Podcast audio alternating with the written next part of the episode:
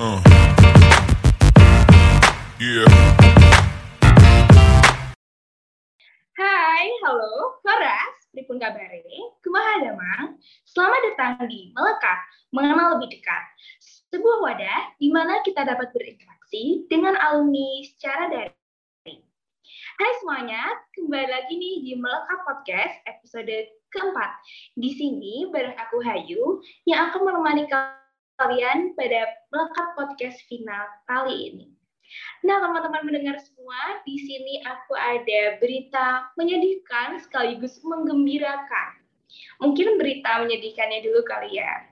Berita menyedihkannya adalah Melekat Podcast episode 4 kali ini merupakan episode terakhir dari series Melekat Podcast 2021.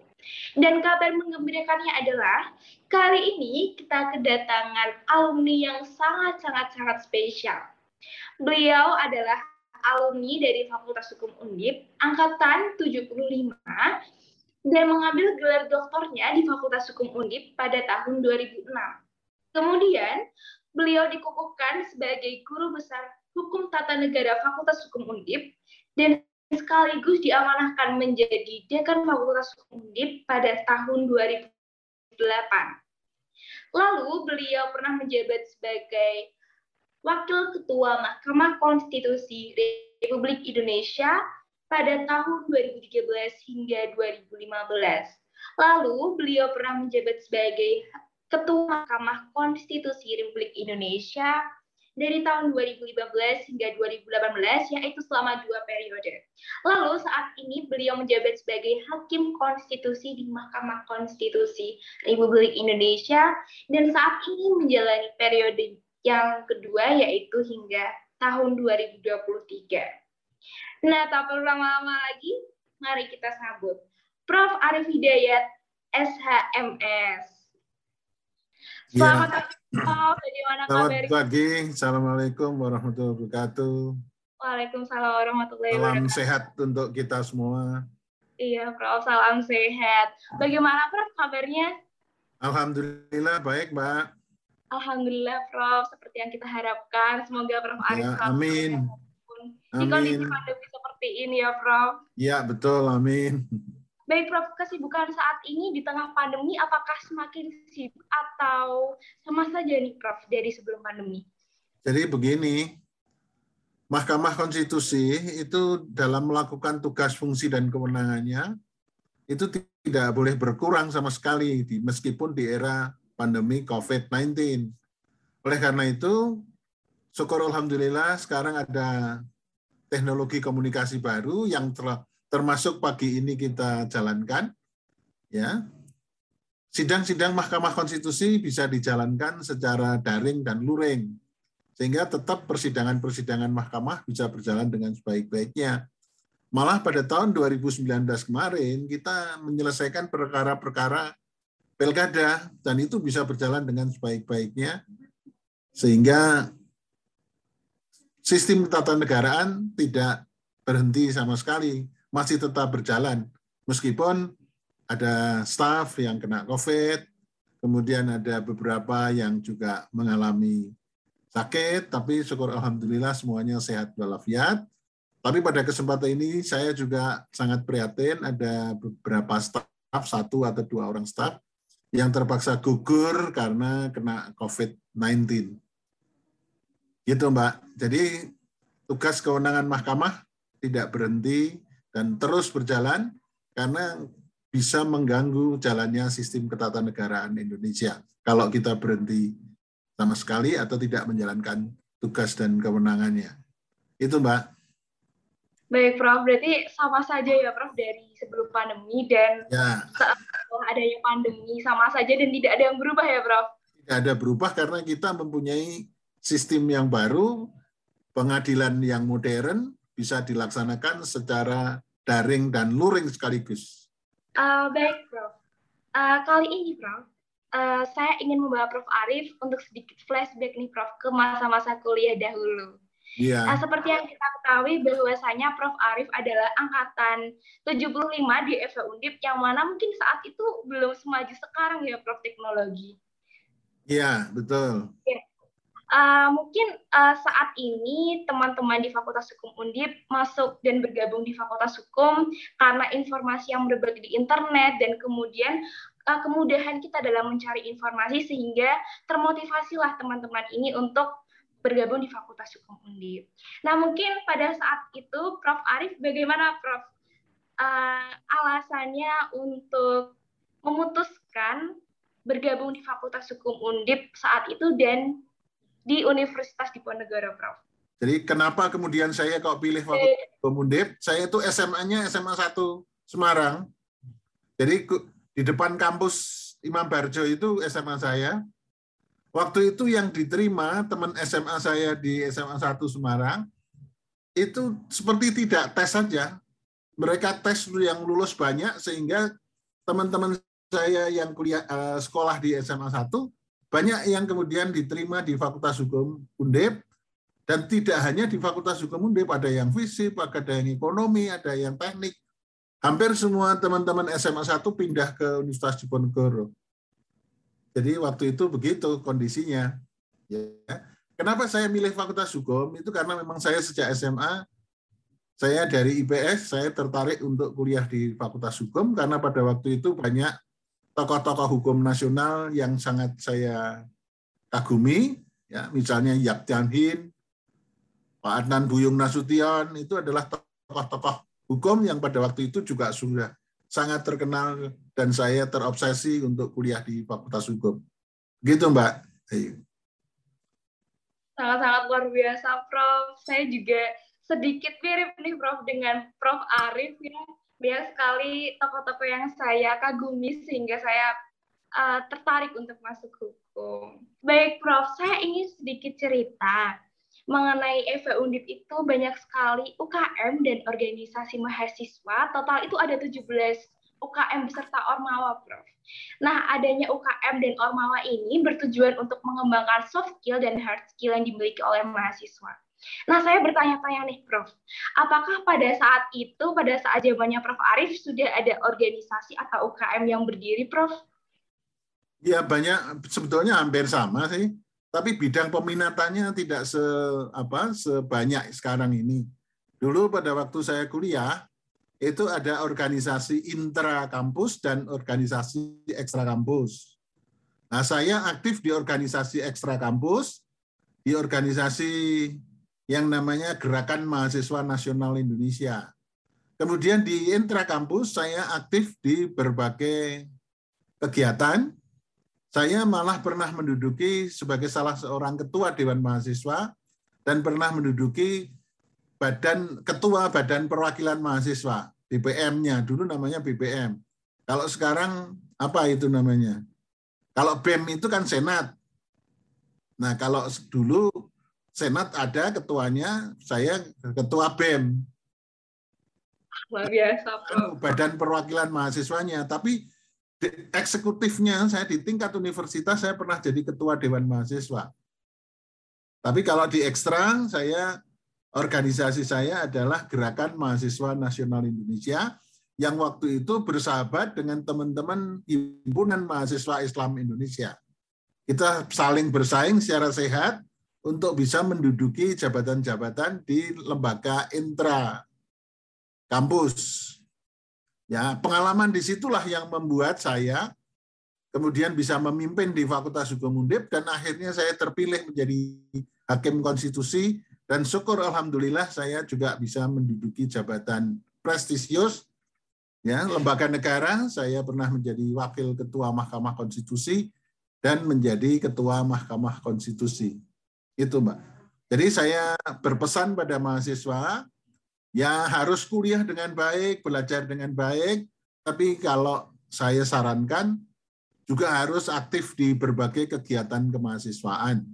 Ya, kegiatan kemahasiswaannya yang dipilih sesuai dengan minatnya, sesuai dengan keinginannya, sesuai dengan waktunya, karena bekal itulah yang sungguh sangat bermanfaat setelah kita bekerja menjadi pegawai setelah lulus dari Fakultas Hukum Undip.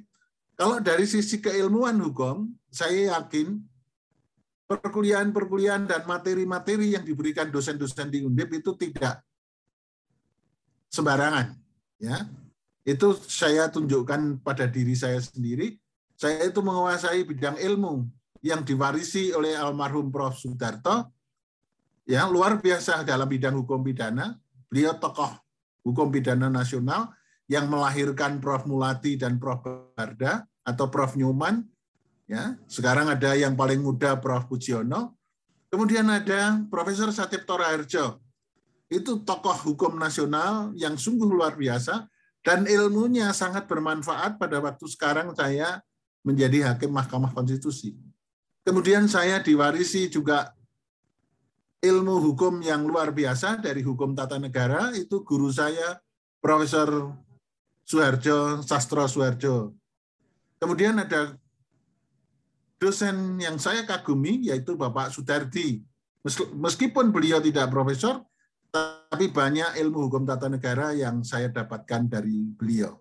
Selain ilmu-ilmu lain yang saya dapatkan.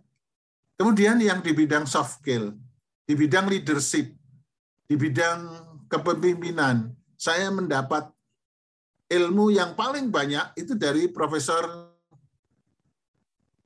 Trasto Tenoyo, mantan Rektor Undip.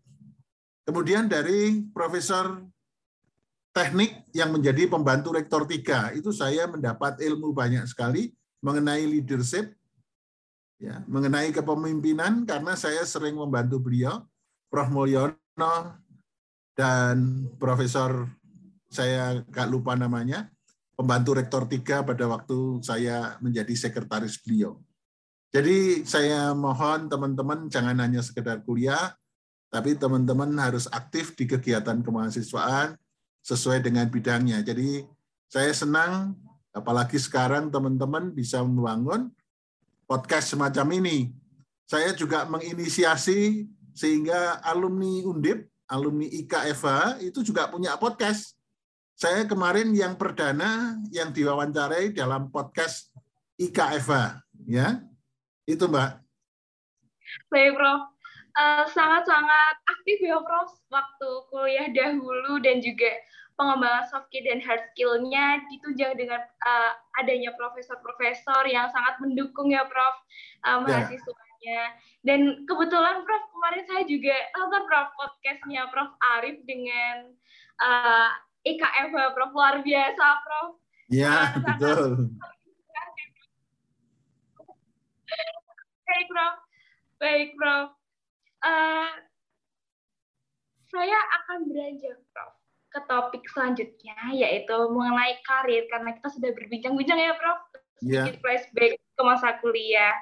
Baik Prof dengan begitu banyaknya lapangan pekerjaan di Indonesia, mengapa Prof Arif memilih untuk mengabdi kembali nih Prof sebagai tenaga pendidik di tempat Prof Arif menimba studi ilmu hukum S1 yaitu di Eva Undi Prof? Ya, saya anu. Itu kayaknya bisa disebut sebagai kesalahan sejarah itu, Mbak. Ini saya itu pada waktu kuliah di Fakultas Hukum, kemudian saya kalau lulus saya bercita-cita menjadi seorang pegawai negeri sipil yang mendaftar di Kementerian Hukum dan HAM Republik Indonesia. Ya, kalau nggak salah saya waktu itu pengen menjadi ASN di Direktorat Jenderal Imigrasi. Nah, pada waktu itu saya sudah sebetulnya mau melamar ke Dirjen Imigrasi Kumham.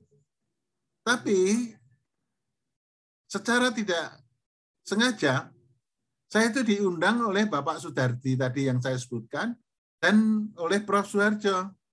Arif, kamu jadi asisten aja, jadi dosen aja. Nah, akhir, tapi saya nggak pernah melamar itu. Oleh Pak Sudardi dan oleh Prof. Suharjo, saya langsung waktu itu ditawari untuk mengikuti penataran P4. Syukur Alhamdulillah pada waktu penataran P4 tingkat Jawa Tengah, saya mendapat predikat lima besar.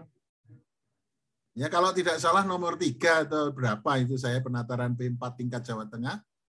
Nah sejak itu saya sudah langsung kemudian menjadi asisten dosen di Fakultas Hukum Undip. Tidak melamar. Jadi saya dalam sejarah belum pernah melamar menjadi menjadi pegawai di satu tempat, tapi langsung saya ditarik. Ya, waktu itu saya konsultasi sama pacar saya yang sekarang jadi istri saya, gimana ini saya jadi dosen? Lebih baik jadi dosen aja. Nah, saya juga sama ibu saya, mah, saya kalau ini kok ditawari Prof. Harjo dan Pak Sudarti untuk jadi dosen, ya sudah lebih baik jadi dosen daripada di mana-mana gitu. Jadi itu kesalahan sejarah. Sebetulnya bukan cita-cita saya, tapi saya punya prinsip setelah jadi apa menekuni sesuatu harus kita tekuni dengan sebaik-baiknya. Tanpa kita menoleh kembali ke belakang ya sudah. Ini memang jalur yang harus saya apa saya tekuni itu kemudian saya juga pada waktu sudah mencapai puncak di Fakultas Hukum saya pernah ditawari waktu itu diajak oleh Prof.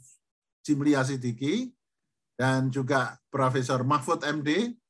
Profesor Arif, kenapa kok nggak daftar menjadi hakim Mahkamah Konstitusi? Nah, pada waktu itu saya konsultasi dengan Profesor Sajib Toraharjo. Beliau mengatakan, Arif, jabatan dekannya diselesaikan dulu. Kalau sudah selesai jabatan dekan, mau ke mana saja silahkan.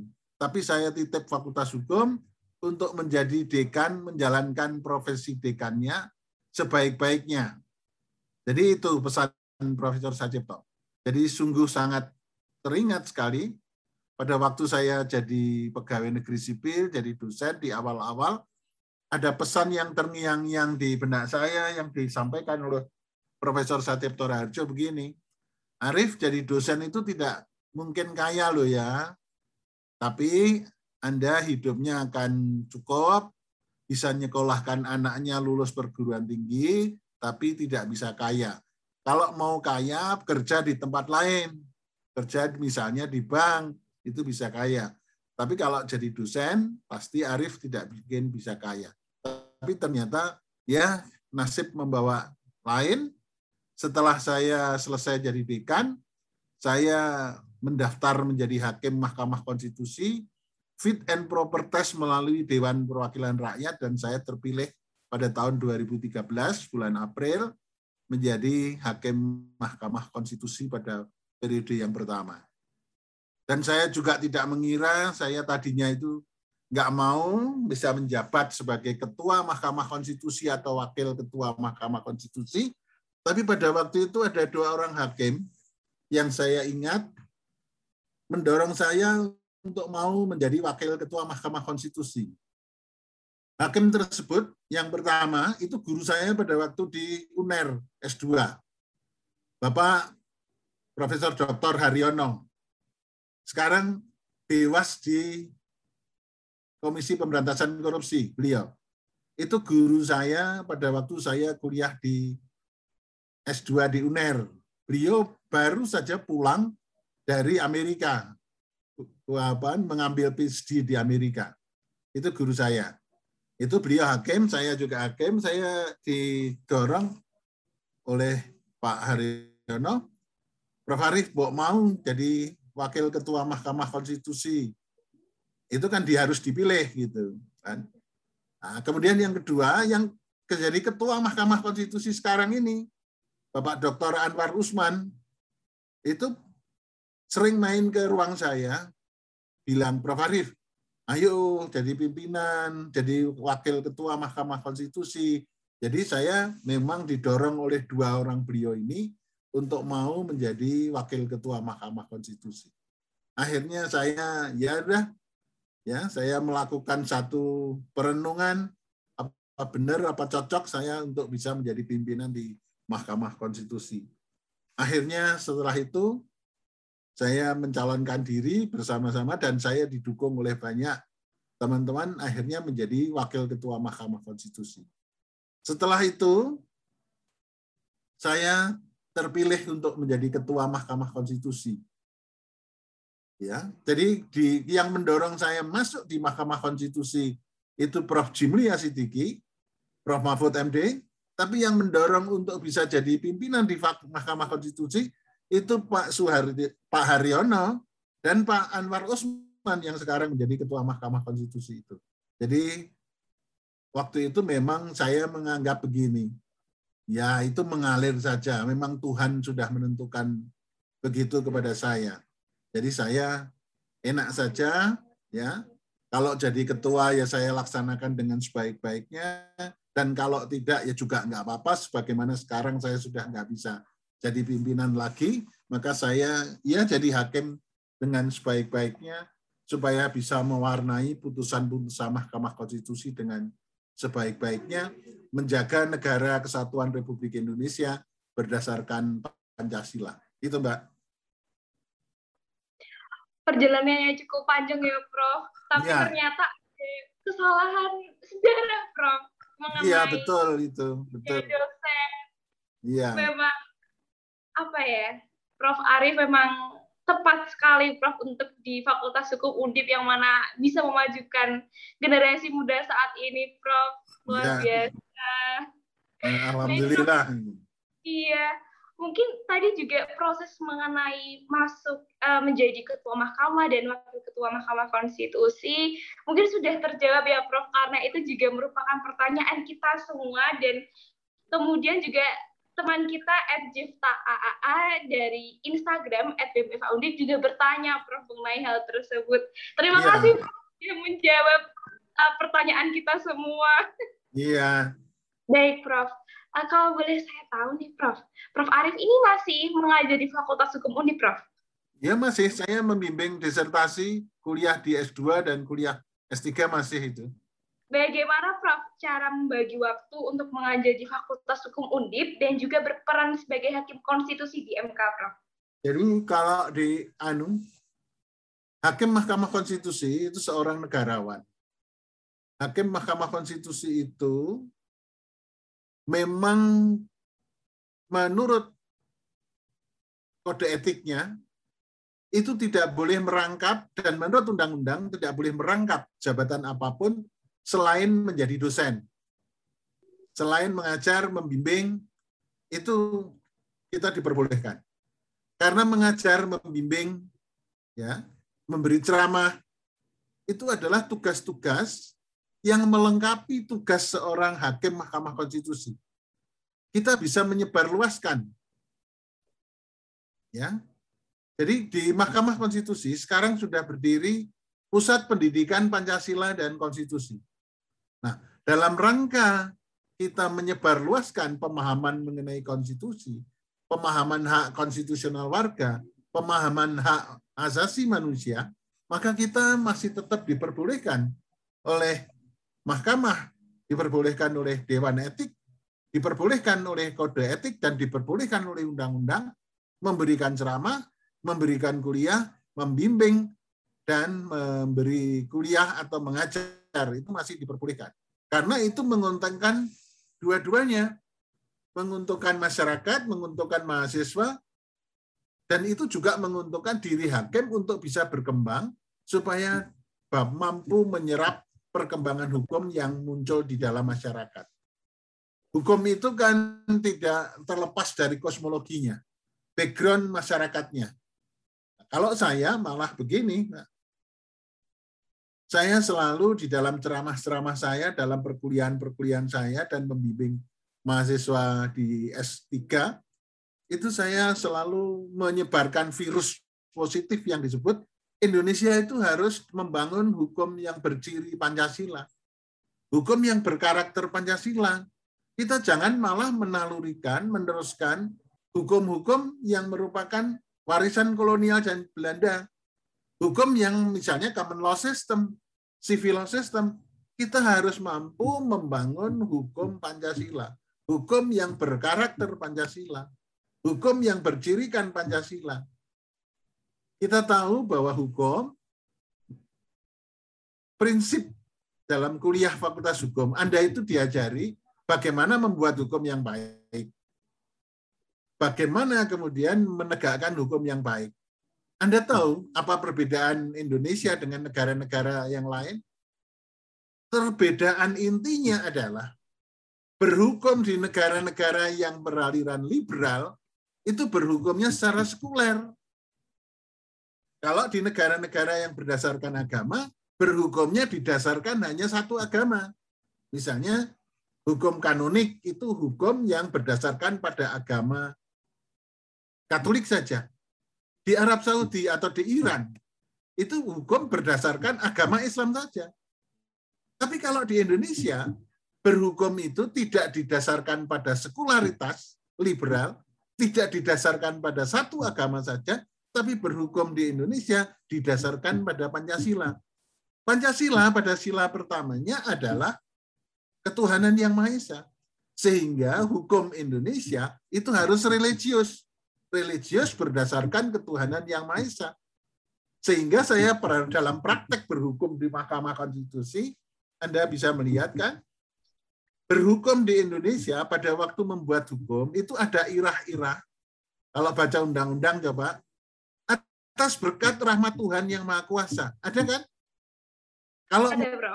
Nah, membuat anu dekan, dekan membuat SK dekan atas berkat rahmat Tuhan yang Maha Kuasa. Pasti hukum Indonesia itu memohon rahmat Tuhan yang Maha Kuasa. Ya. Kemudian kalau menegakkan hukum, putusan pengadilan di Mahkamah Agung, putusan pengadilan Mahkamah Konstitusi itu ada irah-irahnya keadilan berdasarkan ketuhanan yang Maha Esa. Sudah pernah baca putusan pengadilan? Pasti ada irah-irah keadilan berdasarkan ketuhanan yang Maha Esa. Oleh karena itu, saya katakan berhukum di Indonesia adalah berhukum berdasarkan ketuhanan yang Maha Esa. Berhukum Indonesia itu religius, bukan sekuler. Gitu. Itu saya tekankan di situ. Sehingga kita jangan mengembangkan yang sebagaimana hukum liberal, hukum individualistik, atau hukum yang berpaham komunal, komunisme, atau berdasarkan agama tertentu, tapi hukum yang berdasarkan pada sistem ketuhanan yang Maha Esa. Saya sering begini, Mbak. Pada waktu jadi ketua Mahkamah Konstitusi, itu kan saya yang baca putusan di irah-irahnya. Saya biasanya saya buka, sidang dibuka dan terbuka untuk umum. Pada kesempatan ini adalah sidang pembacaan pengucapan putusan. Nah, kemudian saya baca Mahkamah Konstitusi ya keadilan berdasarkan ketuhanan yang Maha Esa. Saya itu merasa merinding sekali karena ternyata keadilan atau putusan yang saya ambil bersembilan di Mahkamah Konstitusi itu harus berdasarkan prinsip ketuhanan yang Maha Esa. Prinsip yang bagaimana? Pada waktu saya ketua Mahkamah Konstitusi, itu ada hakim yang beragama Hindu. Yang mulia Dr. I. Gede Palguna. Kemudian ada yang beragama Katolik. Profesor Dr. Maria. Terus kemudian yang lain itu beragama Islam. Sehingga saya sering mengatakan, mari kita dalam rapat permusyawaratan hakim atau rapat-rapat atau sidang-sidang dalam rangka memutus perkara di Mahkamah Konstitusi, kita hendaknya selalu disinari oleh sinar ketuhanan. Yang beragama Islam berarti disinari oleh agama Islam. Disinari oleh Al-Quran dan Al-Hadis. Kemudian yang Katolik disinari oleh Bible. Disinari oleh Injil. Kemudian yang Hindu disinari oleh Sang Yang Widiwasa. Hukum tidak boleh dijadikan komoditi. Hukum harus disinari oleh sinar ketuhanan. Hakim yang menjalankan ke keputusan yang memutus itu juga harus disinari oleh sinar ketuhanan. Nah, makanya saya harus berpesan pada teman-teman Fakultas Hukum, mari kita bersama-sama menjalankan hukum dengan sebaik-baiknya. Ya, tanggung jawab pertama berhukum itu dipertanggungjawabkan kepada Tuhan yang Maha Esa. Setelah itu baru dipertanggungjawabkan kepada rakyat. Dipertanggungjawabkan kepada bangsa dan negara. Jangan lupa itu. Makanya jangan yang salah dikatakan benar, yang benar dikatakan salah. Itu keyakinan kita berhukum. Kita pertanggungjawabkan kepada Tuhan yang Maha Kuasa. Itu yang sangat penting, Mbak, dan saya sangat berpesan kepada mahasiswa Fakultas Hukum, hati-hati menjalankan hukum. Dokter itu sebelum praktek dokter kan juga harus bersumpah. Menjalankan ilmunya, kedokterannya mengabdi kepada kemanusiaan. Kan begitu. Nah, hukum juga mengabdi kepada kemanusiaan, hukum mengabdi kepada rakyat, tapi yang tertinggi adalah hukum itu harus dipertanggungjawabkan kepada Tuhan yang Maha Esa sesuai dengan agama dan keyakinannya masing-masing. Itu Mbak prinsip yang saya jalankan sehingga alhamdulillah sampai sekarang bisa berjalan dengan sebaik-baiknya. Terima kasih. Alhamdulillah Prof uh, saya sangat setuju mengenai semua apa yang kita lakukan itu perlu dipertanggungjawabkan kepada Tuhannya masing-masing, Bro. Dan saya juga tertarik mengenai virus-virus yang Prof uh, sebarkan kepada mahasiswa ya, Prof. Apakah itu juga termasuk prinsip-prinsip yang diajarkan kepada mahasiswa di kelas, Prof? Ya, betul. Saya sampaikan terutama kepada mahasiswa S3 mari kita bangun semua hukum, apakah itu hukum tata negara, hukum pidana, hukum perdata, hukum dagang, atau hukum saja, hukum apa saja, itu yang berkarakter Pancasila. Karena hukum itu di Indonesia harus berkosmologi Pancasila. Karena dasarnya adalah ideologi dan dasar negara Pancasila. Kita jangan membuat hukum yang liberal, jangan membuat hukum yang komunal, tapi harus membuat hukum, menjalankan hukum yang berwatak dan berciri Pancasila itu. Itu, Mbak.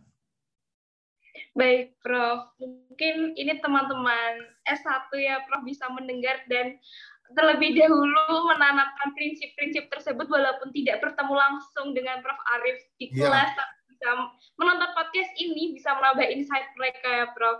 Ya, makanya saya sangat berterima kasih diberi kesempatan bisa berdialog melalui podcast ini. Baik, Prof. Saya juga sangat berterima kasih karena walaupun tidak bertatap muka di kelas, tapi saya uh, mendapatkan nilai yang banyak dan insight yang baru bersama Prof. Arif. Iya. Baik, Prof. Uh, mungkin ini uh, berkaitan dengan apa yang Prof uh, utarakan yaitu mengenai virus-virus dan prinsip. Nah, mungkin Prof, bagaimana Prof Arif dapat menjaga kredibilitas dan kepercayaan sehingga Prof Arif mendapat mendapatkan amanah untuk menjadi seorang wakil ketua, seorang ketua Mahkamah Konstitusi, uh, yang mana tidak semua orang mendapatkan kesempatan itu, Prof. Dan Prof Arif uh, mendapat kesempatan itu dan menjalaninya hingga akhir jabatan Prof sungguh luar biasa. Iya, eh, begini Mbak. Jadi kalau saya itu merasa begini, eh, bagi saya cita-cita tertinggi saya karena saya jadi dosen adalah menjadi seorang guru besar kan. Jadi saya merasa setelah saya menjadi guru besar, kemudian saya juga sudah menjadi dekan, itu saya merasa hidup saya sudah selesai. Artinya semua cita-cita saya itu sudah ter apa terwujud dengan sebaik-baiknya. Itu jangan dari Prof. Sajepto Raharjo. Jadi Arif kalau jadi dosen, cita-cita tertingginya adalah menjadi seorang guru besar. Dan itu di tahun 2000 berapa tadi Mbak saya lupa sudah menjadi guru besar. Ya, 2008 kalau tidak salah saya sudah menjadi seorang guru besar. Ya, itu cita-cita tertinggi yang kebetulan 2011 saya terpilih menjadi dekan kan. Nah, itu merupakan cita-cita dan saya merasa dari situ sudah selesai. Nah, kok sekarang ditambah amanah bisa menjadi hakim konstitusi selain menjadi hakim konstitusi, oh diberi amanah menjadi pimpinan di Mahkamah Konstitusi. Kemudian diberi kelimpahan lagi menjadi presiden Mahkamah Konstitusi se-Asia. Mewakili benua Asia terpilih menjadi anggota dari board WCCC di Venice Commission. Itu sungguh luar biasa bonusnya. Sehingga saya merasa saya itu sudah selesai. Ya, jadi ini adalah bonus-bonus yang amanah-amanah yang harus kita syukuri bersama. Oleh karena itu ya sekarang tinggal kita bisa membawakan diri memberikan pemahaman virus-virus yang positif kepada generasi muda di berbagai forum. Nah, salah satunya kemarin pada waktu saya hari Sabtu diminta untuk menjadi penceramah narasumber di webinarnya Universitas Fakultas Hukum Universitas Brawijaya. Sekarang podcast di sini itu adalah kita tinggal ada memberikan pemahaman-pemahaman yang baik bagaimana sebagai orang Indonesia, warga negara Indonesia, kita harus membangun semuanya sesuai dengan ideologi dan dasar negara Pancasila. Jangan menjadikan Indonesia ini yang lain sebagaimana yang tidak dicita-citakan oleh the founding fathers. Itu secara sederhana begitu. Jadi saya melihat begini, founding fathers itu sudah sungguh luar biasa mewariskan kepada kita satu nilai-nilai dasar, prinsip-prinsip dasar yang paling cocok untuk dijadikan dasar dalam kehidupan negara yang sangat heterogen. Indonesia itu negara yang sangat heterogen, dilihat dari ras, agama, keyakinan, dan sebagainya. Dilihat dari sisi kuliner aja kita heterogen sekali. ya kan? Saya beberapa waktu yang lalu baru saja menghadiri acara di Bukit Tinggi. Uh, makan di sana nggak ada yang nggak enak, semuanya enak. Saya cocok makanan Padang itu.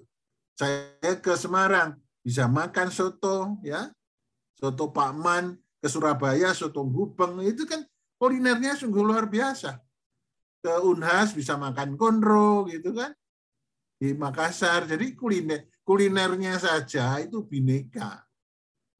Dan semuanya indah.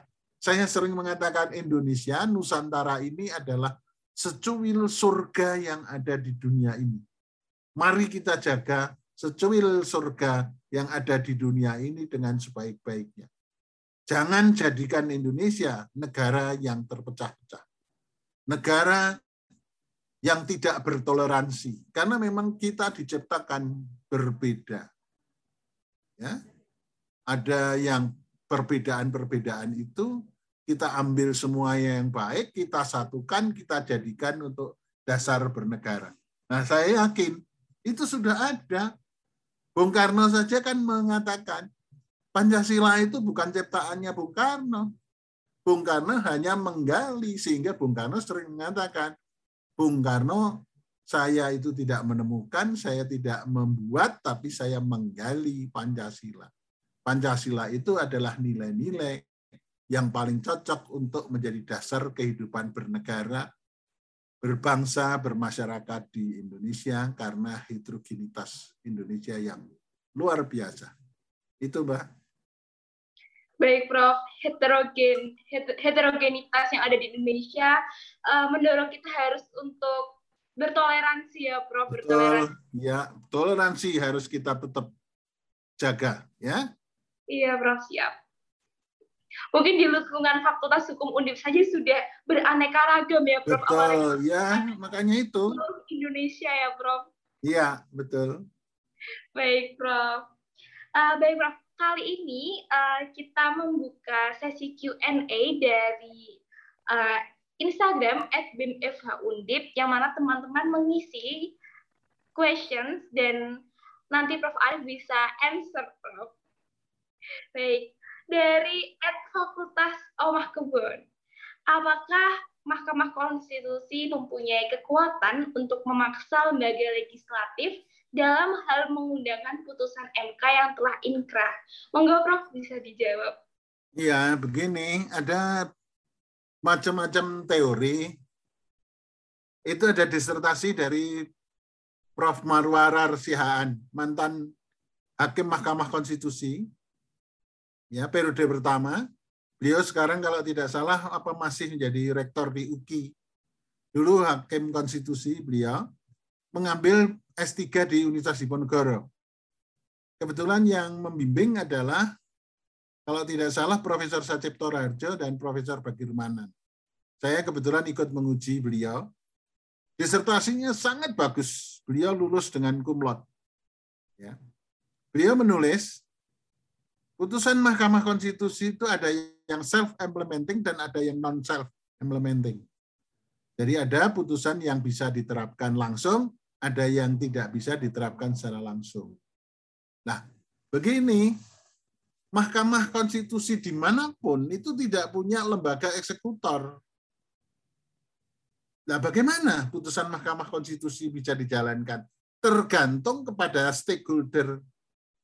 Kalau stakeholder pakat pada konstitusi, dan itu mestinya seluruh stakeholder, baik negara, pejabat negara, lembaga negara, atau masyarakat, ya harus taat dengan konstitusi.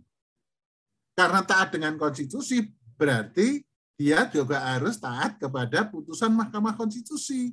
Meskipun putusan Mahkamah Konstitusi tidak ada lembaga eksekutorialnya. Jadi tergantung pada kesadaran dari stakeholder. Kita tidak bisa memaksakan. Tapi syukur Alhamdulillah sampai hari ini itu secara prosentase putusan Mahkamah Konstitusi itu ditaati oleh semua lembaga negara, ditaati oleh semua stakeholder. Meskipun kita tahu tidak setiap putusan lembaga peradilan atau kebijakan apa pun itu memuaskan semua pihak. Saya juga sangat terkesan bahwa presiden di Indonesia selalu mengatakan, saya taat kepada konstitusi, saya taat kepada undang-undang dasar. Oleh karena itu saya juga taat kepada putusan-putusan Mahkamah Konstitusi. Itu sungguh luar biasa statement seorang presiden, seorang kepala negara. Yang saya ketahui yang terakhir kemarin itu Pak Jokowi juga mengatakan gitu pada waktu meresmikan eh, apa namanya eh, ini eh, pusdok pusat dokumentasi Mahkamah Konstitusi saya kebetulan waktu itu sudah jadi wakil, saya bersama Ketua Mahkamah Konstitusi, Bapak Dr. Hamdan Sulfa, mendampingi Presiden untuk menandatangani peresmian itu, beliau menuliskan satu semacam prasasti. Saya taat pada uh, taat kepada konstitusi, taat kepada undang-undang dasar, dan saya juga taat kepada putusan Mahkamah Konstitusi. Sehingga Presiden menjalankan setiap putusan Mahkamah Konstitusi. Begitu juga pada waktu kepresidenannya Bu Mega. Ibu Mega itu adalah presiden yang waktu membentuk Mahkamah Konstitusi. Mahkamah Konstitusi mempunyai gedung yang megah yang sekarang di Jalan Merdeka Barat. Itu dibangun pada waktu kepresidenan Ibu Megawati. Ibu Megawati juga mengatakan seperti itu, taat kepada konstitusi dan akan taat kepada keputusan Mahkamah Konstitusi. Presiden berikutnya, Bapak Susilo Bambang Yudhoyono, juga mengatakan sebagaimana apa yang disampaikan oleh Ibu Megawati dan Pak Jokowi kayak begitu. Sehingga kita sangat senang, sangat bangga bahwa dimulai dari kepala negara, presiden yang mengatakan itu. DPR juga begitu, Mbak. Saya sering waktu itu, ya waktu ketua ke Mahkamah Konstitusi, rapat-rapat dengan ke, ke presiden dan ketua lembaga yang lain, ya mereka mempunyai komitmen yang sama untuk menaati putusan Mahkamah Konstitusi. Memang ada putusan-putusan yang memang susah dilaksanakan, ya tapi lambat laun semuanya terlaksanakan dilaksanakan dengan baik. Termasuk putusan coba Mbak bisa ditaati, bisa dilihat putusan Pilpres pada waktu putusan Pilpres yang terakhir pada tahun 2019, ya Mbak, semua bisa mengamati bagaimana jalannya persidangan di Mahkamah Konstitusi yang mengadili permohonan yang dilakukan oleh pasangan calon Bapak Prabowo, ya kan? Dan Pak Sandiaga Uno yang kalah dalam pemilihan yang ditetapkan oleh KPU beliau berdua mengajukan gugatan ke Mahkamah Konstitusi untuk men-challenge hasil beliau dikalahkan oleh Pak Jokowi dan Pak Ma'ruf. Tapi demo-demonya ramai sekali itu. Tapi kita hakim bersembilan itu tidak terpengaruh oleh demo-demo. Kita tidak terpengaruh dan tidak merasa diintervensi. Itu biasa proses-proses kayak begitu di luar terjadi demo, di luar terjadi eh, apa namanya eh, gerakan-gerakan, tetapi syukur alhamdulillahnya semuanya terkendali dengan baik, tidak mengganggu keamanan nasional, tidak terjadi konflik horizontal, itu syukur alhamdulillah. Beliau berdua Pak Prabowo dan Pak apa Sandiaga mempercayakan putusan itu pada Mahkamah Konstitusi.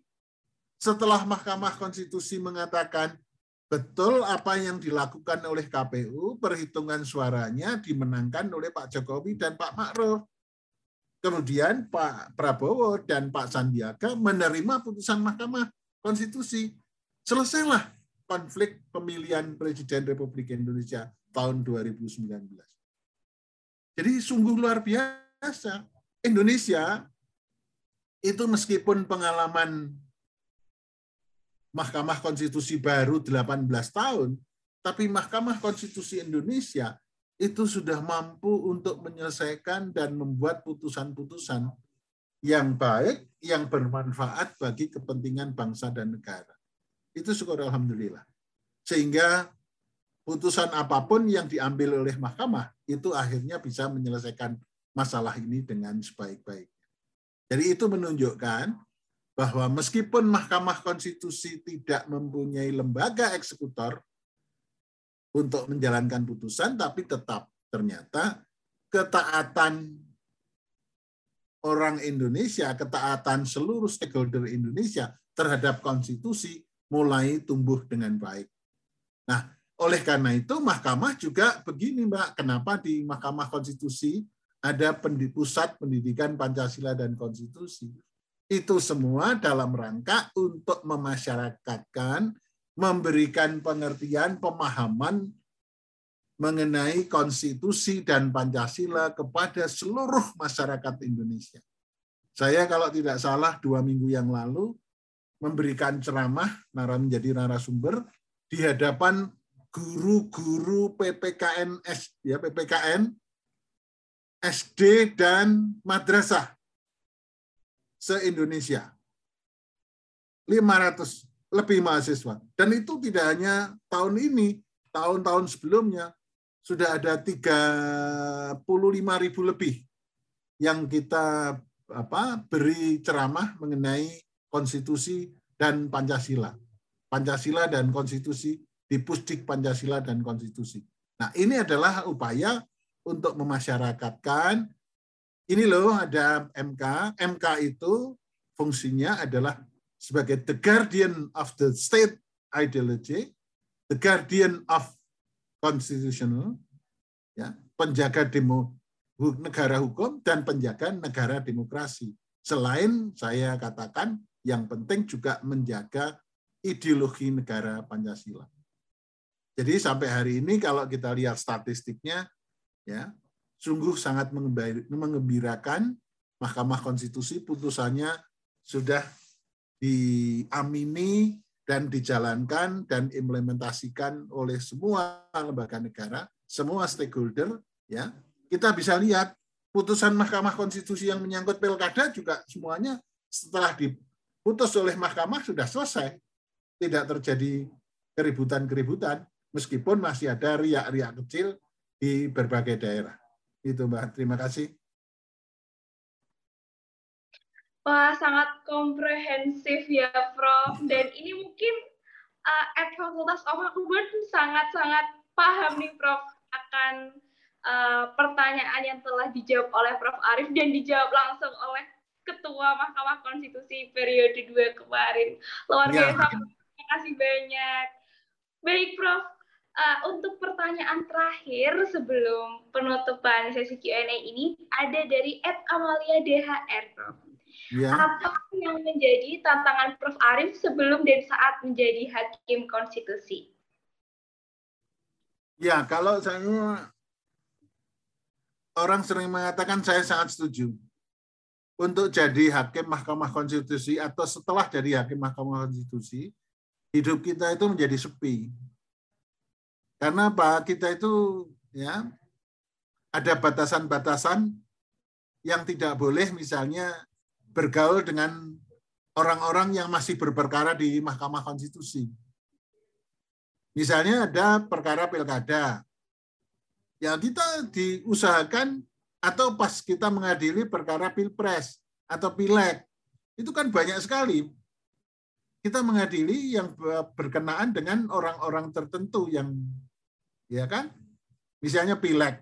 Itu kan yang diadili adalah sengketa antara partai politik dan sengketa antara caleg kan? Nah saya itu kalau misalnya diundang ke satu acara pernikahan itu biasanya saya datang sana memberikan ucapan selamat saya terus langsung pulang saya tidak bisa berlama-lama di situ saya takut kalau bisa ketemu orang-orang yang masih berperkara di Mahkamah Konstitusi. Kita jangan sampai ketemu dengan beliau-beliau itu. Kita hindari daripada nanti dikira kita ada deal-deal tertentu yang itu meskipun itu kita tidak melakukan, tapi kita bisa ber, dipermasalahkan itu. Jadi terpaksa hidup di apa suasana yang sepi, tidak boleh bergaul dengan banyak orang. Yang saya rasakan itu anunya, batasannya. Sehingga kita harus hati-hati betul. Saya misalnya waktu jadi ketua Mahkamah Konstitusi itu sering mendapat satu apa eh, fasilitas kalau bepergian kan naik pesawat itu di di bisnis. Padahal bisnis itu kan biasanya tempat orang-orang kaya atau tempat pejabat-pejabat kan. Nah, saya takut kalau dah, daripada nanti di bisnis kelas ketemu beliau-beliau, lebih baik saya menghindar, saya duduk di ekonomi kelas yang di belakang malah nggak ketemu beliau. Nah, gitu. Misalnya contohnya begitu. Jadi kita memang harus berhati-hati dalam hal-hal yang semacam itu.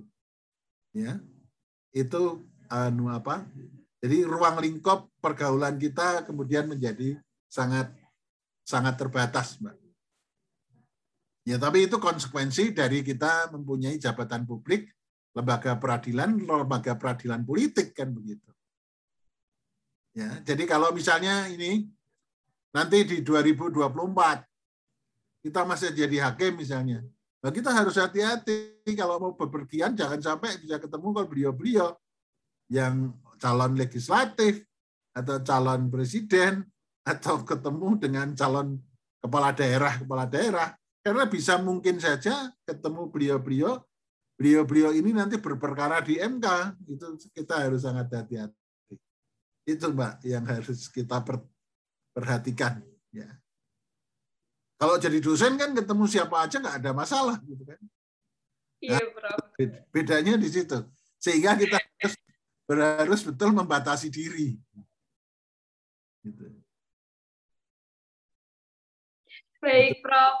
Terima kasih atas jawabannya, Prof. Uh, mungkin teman-teman pendengar bisa mengetahui nih tantangan sebelum dan sesudah menjadi Mahkamah Konstitusi agar nantinya bisa mengarungi kehidupan dan akhirnya bisa menjadi MK ya Prof ke depannya menjadi penerus Prof Arif mungkin teman-teman ya. pendengar Semoga banyak nanti kader-kader muda yang lebih baik dari saya, lebih kualitas dari saya, bisa menduduki jabatan-jabatan publik. Ya, saya anu hanya berpesan teman-teman undip, bekal saudara kuliah di Fakultas Hukum Undip itu tidak pain-pain.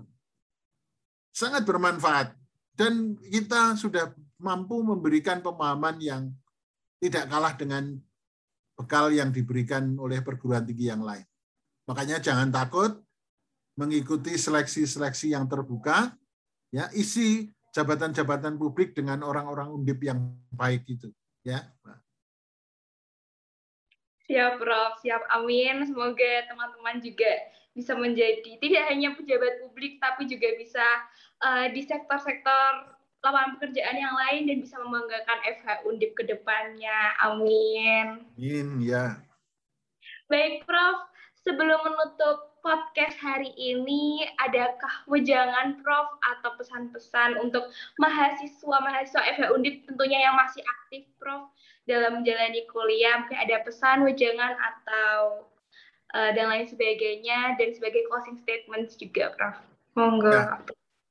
Begini, Mbak jadi tadinya IKFH itu kan nggak ada. Ikatan Alumni Fakultas Hukum Undip. Tapi saya kemudian terpilih menjadi ketua IKFH yang pertama. Sekarang yang kedua ketahui oleh Pak Dr. Reddy. Ya. Tolong jaring hubungan, jejaring hubungan antara mahasiswa, aktivis, dan yang tidak aktivis dengan IKFH ini jalankan dengan sebaik-baiknya. Kebetulan sekarang yang memimpin di IKFH adalah para generasi muda, generasi milenial sehingga akan sangat apa enak kalau berhubungan dengan teman-teman kita yang muda-muda yang masih kuliah di Fakultas Hukum Undip.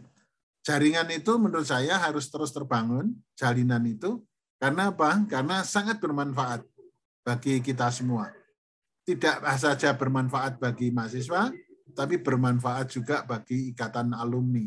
Juga bermanfaat bagi alma mater kita kita besarkan IKFH bersama-sama dan kita juga bina jaringan ini supaya teman-teman itu tidak bingung ya kalau ada apa-apa bisa minta nasihat senior-senior yang ada di IKFH ya. Jadi saya meskipun sudah tua, saya yang paling tua ya, tapi saya masih tetap kalau diundang di IKFH saya selalu hadir, saya memberi support, memberi doa, supaya IKFA ini berkembang dengan sebaik-baiknya. Oleh karena itu pada waktu saya menyarankan dibuat podcast yang berisi apa konten-konten yang memasyarakatkan ideologi negara Pancasila berhukum secara religius itu teman-teman di IKFA itu sangat menyambut baik dan segera direalisasi dan saya menjadi tamu kehormatan yang pertama untuk hadir di podcast tersebut. Dan saya melihat kita itu kalau hanya ketemu satu dua orang kan kita tidak tidak mampu untuk bisa menyampaikan sesuatu dengan secara sederhana tapi apa bisa didengarkan oleh orang banyak. Oleh karena itu kita harus mampu untuk membentuk ya, atau menyebarkan konten-konten melalui podcast itu konten-konten yang bermanfaat bagi kemajuan bangsa dan negara kalau kita di bidang hukum ya untuk kemajuan kehidupan hukum di Indonesia. Itu Mbak pesan saya. Dan aktif, mari kita mulai dari sejak awal, sejak mahasiswa sudah mempunyai kiprah yang bermanfaat untuk kepentingan fakultas, untuk kepentingan masyarakat, untuk kepentingan bangsa dan negara. Karena bangsa Indonesia adalah bangsa yang luar biasa, sebagaimana yang saya tadi sampaikan, secuil surga yang ada di dunia ini itu ya Nusantara. Mari kita jaga Nusantara ini supaya negara ini tetap berdasarkan pada Pancasila karena negara ini adalah negara yang bineka. Oleh karena itu saya sering menyampaikan salam merdeka, salam Pancasila, salam bineka tunggal ika. Begitu, Mbak. Baik, terima kasih Prof atas pesan dan ujangannya kepada kami mahasiswa yang masih aktif. Terima kasih ya Prof sudah berkenan hadir di Melekat Podcast episode keempat kali ini.